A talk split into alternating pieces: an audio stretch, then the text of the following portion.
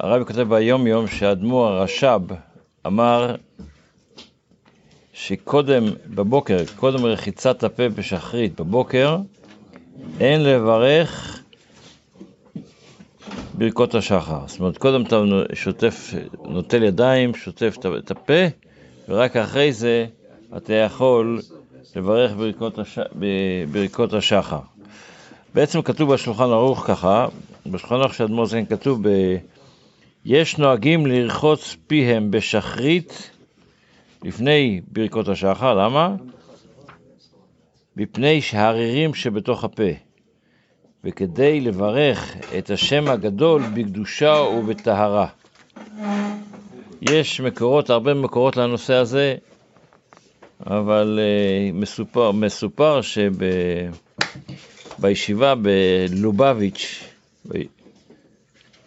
בישיבה ברוסיה, היה אחד התלמידים שהיה לו ריח מהפה, וכשאמרו לו, ת, תשטוף את הפה, או שתלך לטפל בבעיה, הוא, הוא לא בדיוק רצה, או שהוא לא, לא מצא מישהו, אז איימו עליו שיזרקו אותו מהישיבה. אם הוא לא יסתפל בבעיה של הריח מהפה, יזרקו אותו מהישיבה. אבל כשהוא הלך, רצה להישאר בישיבה, אז הוא הלך לטיפול רופאים אה, מומחים, וזה עזר לו באמת. באמת? כן, כן. לפעמים אין לזה מוצא. זה בא מהבטן, לא מהשיניים. אני לא הרופא, אז אני לא אגיד לך. טוב, אוקיי. טוב, בספר המצוות לומדים היום את המצווה הצדיק ד', שזה בעצם מבוסס על מה, מה שכתוב בתורה, מוצא שפתיך תשמור ועשית. כל מה שבן אדם מוציא מהפה, אז מילים יש להם משמעות. וצריך לשמור, לשמור עליהם. ו... זאת לא... לפעמים כשבן אדם מוציא משהו מהפה, רגע, הוא רגע. מתכוון לזה, ואחרי זה הוא מתחרט, אז מה לעשות? אז דבר ראשון, ממש צריך, בן אדם צריך לדעת שהמילים יש להם עוצמה. ואחד שאומר מילה שצריך, מוצב ספריך, תשמור, ועשית.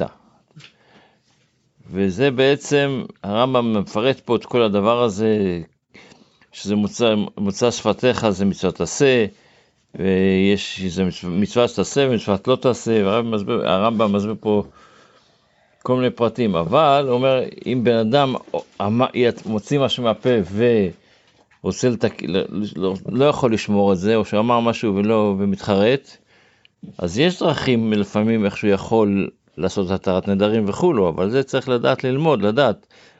כעיקרון צריך לדעת שכשמדברים מילה, המילה היא אייזן, שטר, זהו. בתפילה, אחרי שסיימנו את ברכות, קצת בנושא של ברכות השחר, עוברים לתפילה, לתפילת השחר, מה שנקרא, זה הקורבנות, מה שאנחנו קוראים, אבל לפני הקורבנות מקדימים קטע שאותו הכניס האריזל לתפילה. הוא אומר שצריך להגיד כל בוקר, הריני מקבל עליי מצוות עשה של ואהבת לרעך כמוך. מה זה קשור לתפילה? הייתי צריך להגיד, הרי אני מקבל עליי מצוות עשה, של כל מצוות עשה ואת כל רמ"ח מצוות עשה, וששם מצוות לא תעשה, אני מבין, אבל מה זה דווקא את המצווה הזו לפני התפילה? אז יש לזה הרבה מאוד הסברים. אחד ההסברים המעניינים זה שמופיע בשם הצמח צדק, בספר, לא בשם, זה מופיע בספר של הצמח צדק, דרך מצוותיך, בתפילה אנחנו הופכים להיות כהנים, כי אנחנו מקריבים קורבנות. ומי מקריב קורבן? הכהן. כהן שהוא בעל מום, לא יכול, להיות, לא יכול לעבוד בבית המקדש. אם אנחנו לא מכריזים שאנחנו מאוחד, שאנחנו לא בעלי מום, מה זה לא בעלי מום? היהודי הוא בעצם נשמה אחת עם כל הנשמות של עם ישראל, לגוף אחד. ואם בגוף האחד הזה חסר אצבע, הוא בעל מום, אז הוא לא יכול לעבוד יותר. אז גם אנחנו, אם אנחנו מורידים מעצמנו איזה, מנתקים את עצמנו מאיזה יהודי מסוים, אז אנחנו הופכים לבעלי מום, ולכן אנחנו, אומר האריסה, העצה לזה להגיד, הרי אני מקבל, אמרנו מילים זה עוצמה.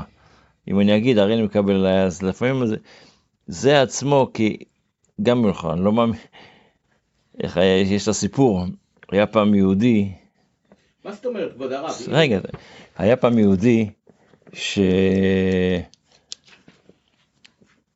רב עם מישהו. אז הגיע לסוף היום, הוא רוצה להגיד אה, קריאת שמע של המיטה לפני שהולך לישון, והקטע הראשון בקריאת שמע של המיטה זה הריני מוחל וסולח לכל מי שהכעיס והכנית אותי. אבל אני לא יכול להגיד את זה. אני לא, אני יכול להגיד הריני מוחל וסולח חוץ מי, אבל, אה, אבל לא יכול. אז הפתרון שלו היה, הוא מצא פתרון לזה. אמר, אני לא אשן כל הלילה, לא אגיד קריאת שמע, אני לא צריך להגיד קריאת שמע כי אני לא אשן, אני ער כל הלילה, לא אגיד קריאת שמע, ואז לא יהיה לי את הבעיה הזו. הוא היה ער כל הלילה, והוא הגיע בבוקר, הגיע לבית כנסת, פתאום הוא מתחיל, לפני רוצה להתפלל. אומר, הרי אני מקבל, צריך להגיד, הרי אני מקבל עליי מצוות עשה של ואהבת, אני לא יכול, אני יכול להגיד לכם, חוץ מי. אז הוא הבין שהוא לא יכול לברוח מה... הוא חייב להתמודד עם הבעיה. להתמודד עם הבעיה הזו, אז הוא אמר אוקיי, אז כנראה אני אגיד את זה עד שזה באמת יהיה. וזה הנקודה, לפעמים אנחנו אומרים ואנחנו לא מתכוונים, אולי יש לנו, אבל עצם זה שנגיד ונגיד בסופו של דבר נגיע לזה, שנגיע באמת לאהבת ישראל אמיתית, וזה יביא את הגאולה מיד. אמן.